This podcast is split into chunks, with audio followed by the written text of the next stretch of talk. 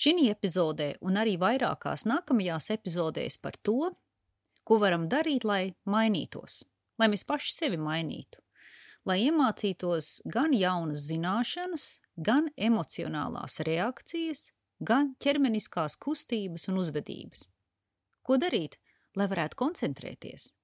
Kādi ir praktiski paņēmieni un kādas ir ķīmiskas vielas, kas var noderēt?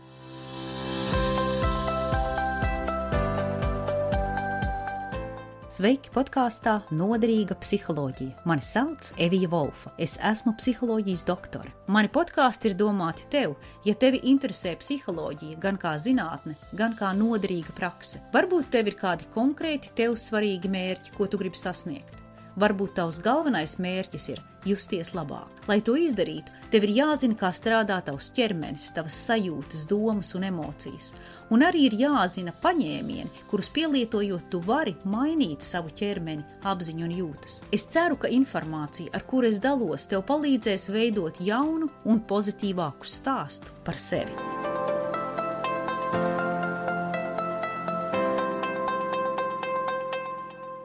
Lai uzrakstītu jaunu stāstu pats par sevi, tādu stāstu, kas tev pašam patiktu. Ir svarīgi iemācīties jaunas lietas un jaunas reakcijas. Protams, ka visi ir gatavi kļūt labāki, gudrāki, jaukāki, bet kādi ir paņēmieni un praktiski padomi, praktiskas lietas, ko tu vari darīt? Ko var darīt, lai nomainītu iestaigātos ceļus?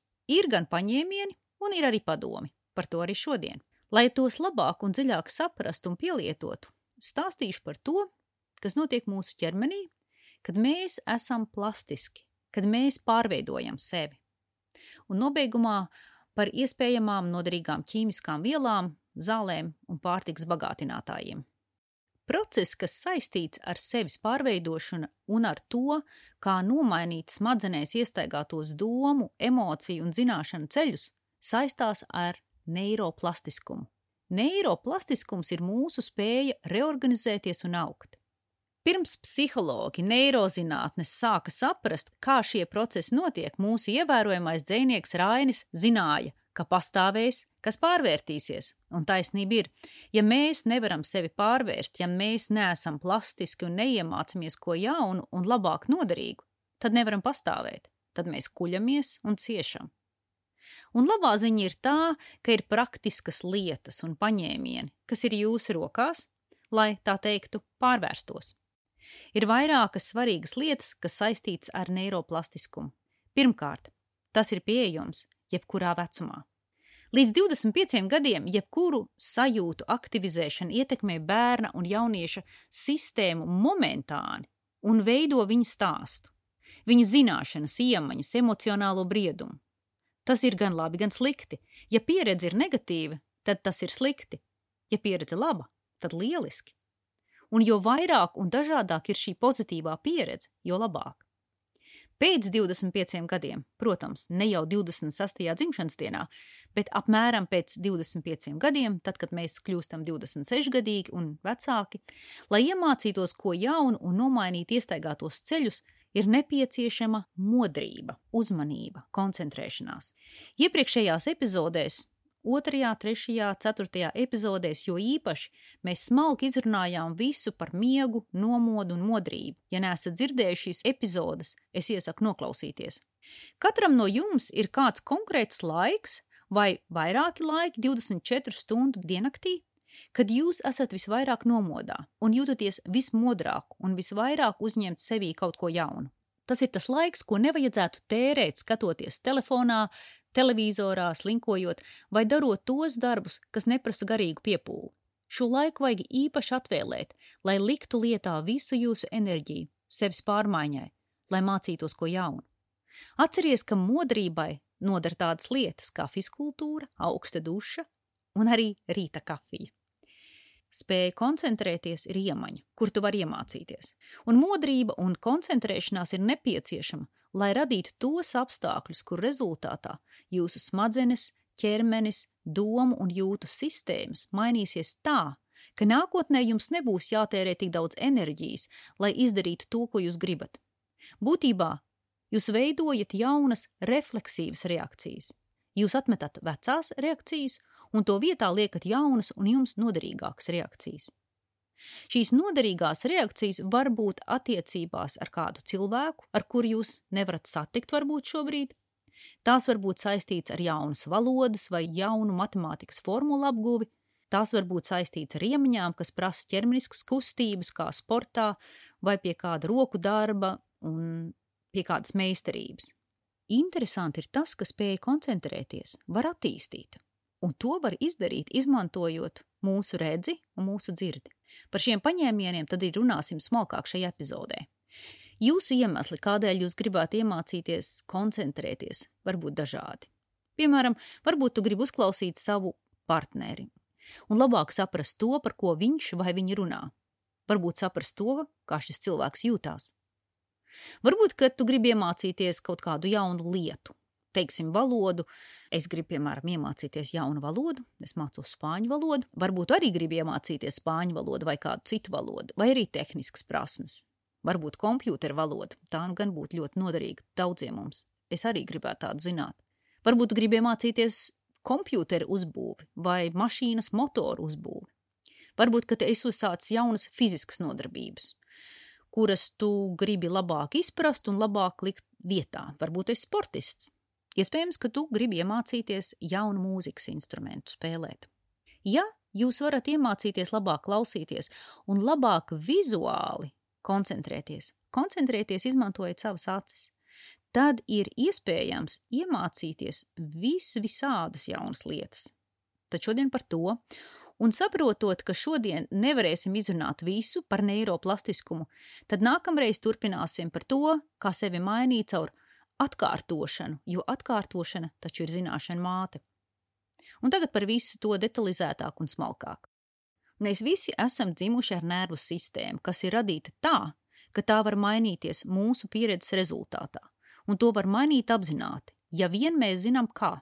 Piedzimstot, mēs ierodamies pasaulē ar nervu sistēmu, kas ir pārpilna iespējamo savienojumu. Mazulim ir visas iespējas, bet nav nekādas labi nostiprinātas iemaņas un zināšanas. Mazulis iemācīsies gandrīz jebko, kas būs pieejams viņa vidē, un tādēļ vide ir ārkārtīgi svarīga.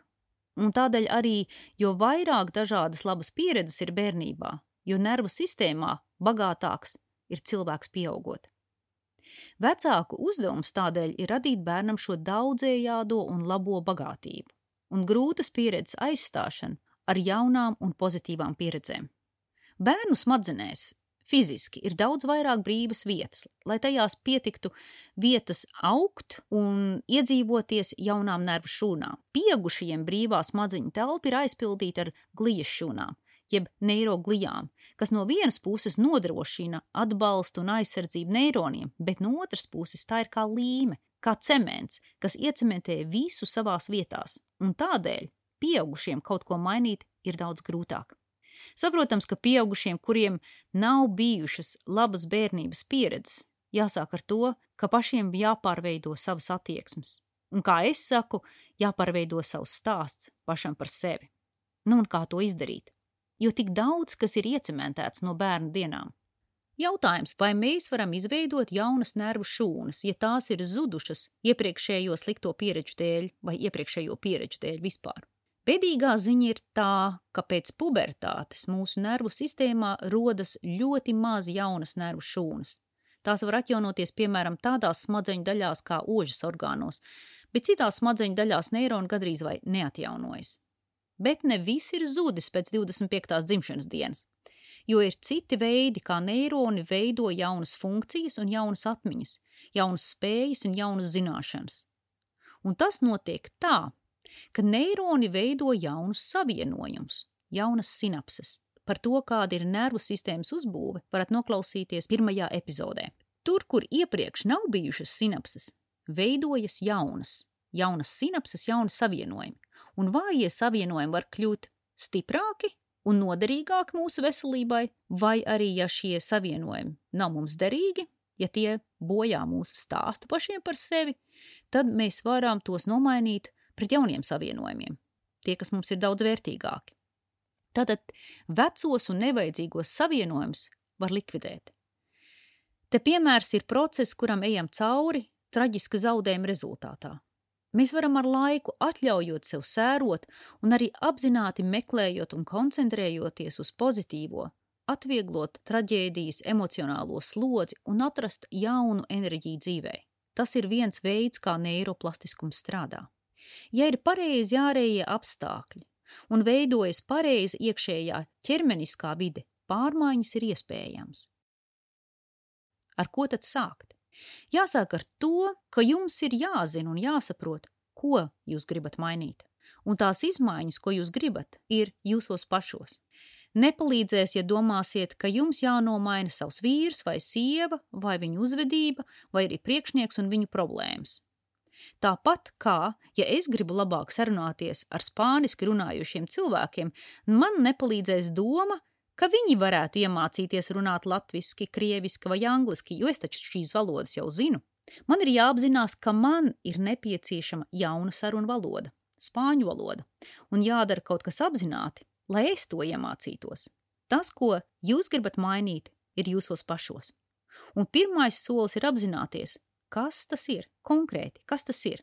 Ir neiroķīmiskās vielas, kas izdalīsies mūsu smadzenēs pie noteiktas mūsu uzvedības, domām un emocijām. Un tad, kad mēs apzināmies, ko mēs gribam mainīt, notiek šo ķīmisko vielu izdalīšanās, un tās dod smadzenēm vajadzīgo vidi, kurā pārmaiņas var notikt. Garīgās un reliģiskās tradīcijas to paskaidro tā, ka tad, kad tu visuma spēkiem vai dievam pasaki savu vēlmi, tad šie augstākie spēki var tev nākt palīgā, Manuprāt, psiholoģija, neirozinātnes, reliģija papildina vienu otru, un tās visas jāņem talkā, lai tu sasniegtu to, ko tu vēlies. Kas tās ir par ķīmiskām vielām, kas izdalās tad, kad mēs uz kaut ko koncentrējamies? Tās ir tās pašas vielas, kas izdalās tad, kad esam stresa stāvoklī. Tās ir divas vielas vai neiromodulātori, kas tajā laikā, kad mēs uz kaut ko koncentrējamies, atzīmē kā ar krāsainu zīmuli pasvītro svarīgāko grāmatā, tās vietas mūsu nervu sistēmā, kuras mēs gribam mainīt. Bet tas vēl gan nenozīmē, ka maiņa notiks. Bet šis ir ļoti svarīgs solis. Vispirms iezīmēt to, ko tu gribi mainīt. Tātad šis solis ir koncentrēšanās uz ko konkrētu, ko tu gribi mainīt. Nevis koncentrēšanās uz to, no kā tu gribi atbrīvoties, bet uz to, kas ir tas jaunais, ko tu gribi panākt. Un tas ir tādēļ, ka tu gribi iezīmēt jaunos ceļus, nevis vēl vienreiz apstiprināt jau iestaigātos ceļus. Kādi ir šie divi neiromodulātori? Viens no tiem ir epinefrīns jeb adrenalīns, kas ir viena un tā pati ķīmiskā viela. Par adrenalīnu to sauc, kad viela izdalās no virsnieru dziedzera, un par epinefrīnu, kad tā izdalās smadzenēs, no orgāna, ko sauc par locus ceruleus. Nosaukums kā tāds jums nav svarīgs un nav jāatcerās. Epinefrīns paaugstina vispārīgo nomodu, mundrumu un šo stāvokli smadzenēs. Tas tā kā pārpludina smadzenes, Un tas nenostiprina neko konkrēti, bet tas parūpējas, ka vispār esam pietiekoši nomodā un pietiekoši aktīvi, lai saņemtu jauno informāciju. Epinefrīns ir arī saistīts ar trauksmi un stresu. Bieži vien visātrāk kaut ko iemācāmies tieši stresa situācijā, bet diemžēl tas visbiežāk ir kaut kas tāds, no kā pēc tam mēs gribam tikt vaļā. Tā kā šis epinefrīna pieplūdums ir tādā samērīgā mm, daudzumā, un nevis kaut kādā ārkārtīgā stresa vai kaut kādā traģiskā situācijā. Te mēs runājam par samērīgu epinefrīnu pieplūšanu, tad, kad mēs esam nomodā un tad, kad mēs esam mundri un gatavi uzņemt kaut ko jaunu. Jo bez epinefrīna šis process nevar notikt. Bez epinefrīna nevar iztikt, lai mēs iemācītos kaut ko jaunu un tādējādi ir arī jāpieņem, ka būs kaut kādas nepatīkamas sajūtas. Jo tad, kad mēs sākam kaut ko apgūt, vai kā citādi uzvesties vai rīkoties, tad ir šīs nepatīkamās sajūtas. Jo mēs ieejam jaunā, nezināmā vidē stāvoklī, emocionālā un domu stāvoklī. Bet ar epinefrīnu vienu pašu nepietiek, lai izveidotu jaunas sinapses un jaunas pieredzes. Otra ķīmiskā viela ir acetilholīns kas arī ir nepieciešams šī procesā. Acetilholīns ieplūst smadzenēs no diviem orgāniem. Viens no kuriem atrodas smadzeņu stumbrā, un kura aksoni, jeb var iedomāties, ka tie ir tā kā vadi, sūta informāciju par uztvertajām sajūtām uz orgānu, ko sauc par talamus. Talamus nepārtraukti uztver sensoro jeb sajūtu informāciju un pārstrādā to. Piemēram, es dzirdu, ka ārā rei kaimiņu suns. Es arī dzirdu, ka pa ielu garām aizbrauc smagā mašīna. Es jūtu, ka istabā ir silts, mans kompjutera ventilators ir skaļš, mans vēders ir pilns un tā tālāk un tā joprojām. Kad es izvēlos pievērst uzmanību vienai no šīm konkrētām lietām, es izveidoju tādu kā uzmanības konusu, kā skatoties caur binokli un palielinot ko tieši konkrētu un aizmirstot par visu pārējo, vai arī kā skatoties caur lupu. To var arī salīdzināt ar to, kas notiek, kad tev rokā ir kabatas baterija, kad tu ej tumsā.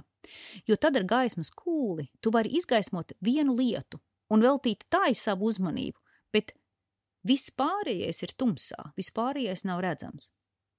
Piemēram, es pievēršu īpašu uzmanību savam pilnajam vēdram, un tajā mirklī acetilholīns pastiprina signālu, kas nāk no vēdera uz smadzenēm. Vienvārds sakot, acetilholīns palielina konkrēti izvēlētu signālu vai konkrēti izvēlētu sajūtu. Acetilholīns tad ir kā gaismas baterija, un epinefrīns ir vispārīgā nomoda un uzmanības lietus smadzenēs. Taču ir nepieciešama vēl viena lieta, lai notiktu neiroplastiskums. Ir nepieciešams, lai acetilholīns izdalītos ne tikai no smadzeņu stumbra, bet arī no smadzeņu orgānu, ko sauc par Meinerta basālis kodols. Atkal šis nosaukums nav tik svarīgs. Svarīgs ir tas, ka ir nepieciešama šī trešā orgāna iesaiste. Eksperimenti rāda, ka tad, kad tiek stimulēti trīs konkrēti pieminētie smadzeņu orgāni vai smadzeņu daļas, tad absolūti noteikti cilvēks iemācās jebko, kam viņš tajā mirklī ir pievērsis uzmanību. Šie eksperimenti ir izdarīti ievadot cilvēku smadzenēs elektrodus un stimulējot šos trīs orgānus. Es varu būt, pat būt ar mieru tagad, tā iemācīties spāņu valodu. Es būtu ar mieru, ka man kāds ieliek smadzenēs elektrodus un stimulē šos trīs orgānus. Bet es domāju, ka lielākoties neviens negribētu, ka viņam smadzenēs liek iekšā elektrodus. Bet vai ir kādi paņēmieni, kā stimulēt šos orgānus un panākt vēlamo efektu, arī bez elektrodiem? Par to tad arī tagad runāsim. Tātad mums ir vajadzīgs epinefrīns, lai esam nomodā un pietiekoši mundri. Un lielākoties to mēs panākam ar to, ka labi izguļamies. Vispirms tāpēc dari visu to, lai tu labi izgulētos. Tikai jūs paši ziniet, cik jums daudz miega vajadzīgs, lai jūs būtu gatavi mācīties un mainīt smadzeņu iestaigātos ceļus. Bet, ja tu esi jau labi izgulējies, kā nodrošināt mundrumu un apņēmību? Daudz izmanto visādus rituālus un citus paņēmienus. Piemēram, pastāsta kādam citam cilvēkam par saviem plāniem, lai savu atbildības sajūtu palielinātu. Jo, ja jau kādam pastāstīs, tad jūt atbildību, ka nu tagad tas ir jāizpilda. Piemēram, jaungada naktī bieži notiek tādi solījumi. Cilvēks saka, es nometīšu svaru, es uzrakstīšu grāmatu, es klausīšos savā sirdsbalsī, es būšu vislabākā mamma vai vislabākais tēvs, es kļūšu par hokeja čempionu un tā tālāk. Ir arī tāda praksa, ka cilvēks apņemas darīt kaut ko caur negatīvu motivāciju. Piemēram, cilvēks pats sev saka, ja es neizturēšu un uzkliekšu bosam, tad es visu citu acīs kļūšu par zaudētāju. Es viņiem nepatikšu, un, ta, un tas gan vairs nebūs labi, no tā es tikai pats cietīšu. Un tādēļ es saņemšos un, un nekliekšu uz bosu. Vai ir arī pozitīva motivācija, piemēram, mīlestības vārdā? Es iemācīšos nebaidīties no ūdens savu bērnu dēļ, lai ar viņiem nav bailes no ūdens. Tātad tev ir jāatrod sava motivācija. Definē, kāpēc tu gribi sasniegt to, ko tu gribi sasniegt. Bet nestaigā apkārt stāstīdams visiem par to, jo psiholoģiski te var notikt nepatīkama lieta. Par to stāstot, tu jau vari iedomāties, ka es jau izdarīju to, ko tu patiesībā tikai vēl plāno darīt. Tas tavā nervu sistēmā iepludina citu ķīmisku sastāvu un noslāpē tavu apņemšanos. Tātad izveidot savu plānu, un vari pat uzrakstīt uz papīra, ja tas tev palīdz. Vispirms, ko tu gribi mainīt, otrs, kāda ir tava motivācija. Tas ir vajadzīgs, lai tu uzturētu vajadzīgu uzmanību un vajadzīgu enerģiju. Runājot par uzmanību, ir jārunā par uzmanības deficītu. Lai uzturētu uzmanību, ārsti izraksta zāles, un internetā ir nopērkami dažādi pārtiks bagātinātāji, kas domāti tieši uzmanības noturībai un atmiņai. Par to runāsim nobeigumā. bet es domāju, ka lielākā daļa no mums gribēs zināt, kā pastiprināt uzmanības dziļumu bez zālēm un bez bagātinātājiem.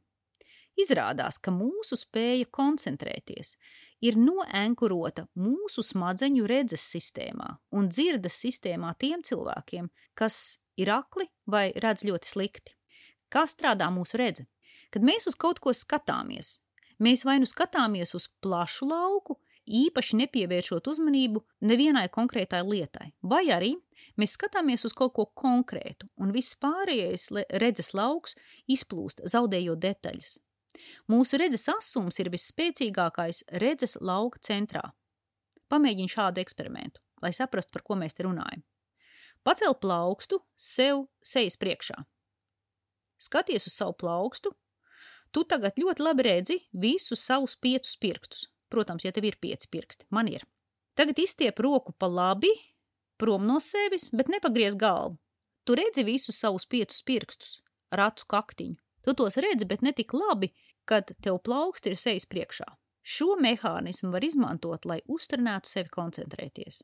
Tad, kad mēs ar acīm koncentrējamies, skatoties uz kaut ko sev priekšā, un mūsu acis ir pietuvojušās vienotrai, tuvāk degunam, mēs veidojam samazinātu redzes lauku, un tajā pat laikā mēs aktivizējam neironus, kas mūsu smadzenēs iepludina norepinefrīnu, epinefrīnu un acetilholīnu. Ja tev ir grūti koncentrēties, tad tu vari izmantot šo praktisko paņēmienu. Izvēlies objektu, sev acu priekšā un koncentrējies uz to, un tādajādi radi vajadzīgo ķīmisko kokteili, kas tev palīdzēs pie jaunu smadzeņu ceļu iezīmēšanas. Šādā veidā koncentrējies kādas, kādu vienu, divas minūtes, tad, ja tev ir grūtības iesākt darīt to, ko tu gribi darīt, Tad tu vispirms, koncentrējoties vienkārši uz kaut ko sev acu priekšā, var radīt šo ķīmisko kokteili, kas tev pēc tam palīdzēs iesākt un darīt to, ko tu gribi darīt, lai tu izmainītos, lai tu izmainītu savu stāstu, lai tu iemācītos kaut ko jaunu. Un vislabākais tad, kad tu koncentrējies nemirkšķini, jo tad, kad tu mirkšķini, tu pārstartēji savu laiku un telpas sajūtu. Bet, protams, nevar iztikt pavisam bez mirkšķināšanas, jo mirkšķināšana samitrina acis, un, protams, mums nepieciešams šis mitrums acīs. Otrs variants ir trenēt savu koncentrēšanās spēju, izmantojot dzirdi. Lai to darītu, acis ir jāizver un jākoncentrējas uz vienu iedomātu objektu. Tie ir svarīgs padoms, kas droši vien paglābs daudzus no attiecību konfliktiem. Tad, kad jūs gribat, lai jūsu partneris jūs uzklaus un saprot, tad nevajag uzstāt, lai viņš vai viņa skatās jums acīs. Ir absolūti pilnīgi nepareizi teikt: skaties man acīs un klausies. Starp citu, tas attiecās arī uz bērniem. Jo klausītājs tad skatīsies uz to, kā runātājiem kustās mute un analizēs mutes kustību, nevis klausīsies un dzirdēs tos vārdus, kas nāk no runātāja mutes. Aizverot acis ir vislabākais veids, kā koncentrēties uz skaņas informāciju arī piemēram, uz valodu. Tas arī labi paskaidro to, kāpēc neko nevar iemācīties, ka kad kāds runātājs uzstājas, piemēram, ar PowerPoint prezentāciju. Klausītājs vai nu skatās attēlā, vai klausās runātājā. Izņēmums ir tad, kad konkrētā bilde sakrīt ar konkrētajiem vārdiem, tad abas sistēmas vienotru papildina. Labi, tagad tu esi sakoncentrējies. Cik ilgu laiku tad veltīt tam, lai mācītos šo jauno? Iepriekšējās epizodēs mēs runājam par tiem saucamajiem ultradiāna cikliem. Tie ir cikli ar 90 minūšu ilgumu. Dienas laikā tev ir 16 šādi 90 minūšu cikli. Tev ir miega laikā šādi cikli un arī nomoda laikā. Un tu pats zini labāk, vai rīta vai vakara stundas ir tās, kurās tu vislabāk vari iemācīties kaut ko. Ir ieteikums sākt mācīties, sākt darīt kaut ko jaunu, tad, kad iesākās viens no šiem 90 minūšu cikliem.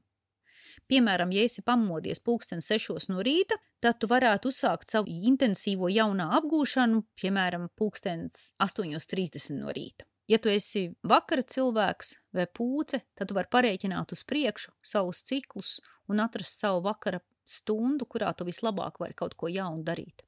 Bet, kad iesākās šis 90 minūšu cikls, tad esi gatavs tam, ka iesākumā pirmās 5 minūtes nebūs labas. Tu nejutīsies labi, tu būsi diezgan neapmierināts un īgns, bet esi gatavs pēc tam neatstāties un 60 minūtes intensīvi darboties ar sevi. Ja tev uzmanība zūd, izmanto koncentrēšanās paņēmienus, par kuriem mēs runājam. Liec lietā savu redzi un savu dzirdi. Pēc apmēram stundas un desmit minūtēm tev droši vien uzmanība sāk zust, un tev būs vēlēšanās tā teikt mest plinti krūmos, vai iet kaut ko uzēst, iedzert ūdeni vai vēl kaut ko, jo tu sajūtīsi nogurumu. Šī sajūta mums kaut ko māca. Jo ir viena ļoti svarīga lieta. Ja vien iespējams pēc šādas koncentrēšanās, pēc šādas intensīvas darbu, darbības, atpūties, burtiski, atpūties burtiski, vai nu apgulies un izmanto joga nidra, meditāciju, pašhipnozi, lai tu varētu atslēgties un atpūsties. Otrs variants, tu vari iziet ārā pastaigāties, varbūt pat iziet paskriet, pavingrot, lai tev prāts pilnīgi izvēdinās, Šis solis ir vajadzīgs, lai jaunais tiktu nostiprināts atmiņā. Un vēl viena svarīga lieta ir, lai jaunais nostiprinātos, ir nakts miegs. Vienmēr, vienmēr centies labi izgulēties. Bet, protams, nekad neuztraucies, ja tev neizdodas izgulēties vienu nakti. Tu vienmēr vari izmantot atpūtas paņēmienus, kā pa, pa dienu var nosnausties, joga nidra, meditācija, pašhipnoze. Bet galvenais ir atcerēties, ka pēc intensīvā darba ar sevi ir vajadzīga atpūta. Ja tu izvēlies iziet ārā pastaigāt, varbūt izvēlies iet ārā un skriet. Ieteikums ir neklausīties audio grāmatas vai podkāstus, tā kā šo podkāstu, piemēram, arī nevajag klausīties vai kādu citu informāciju.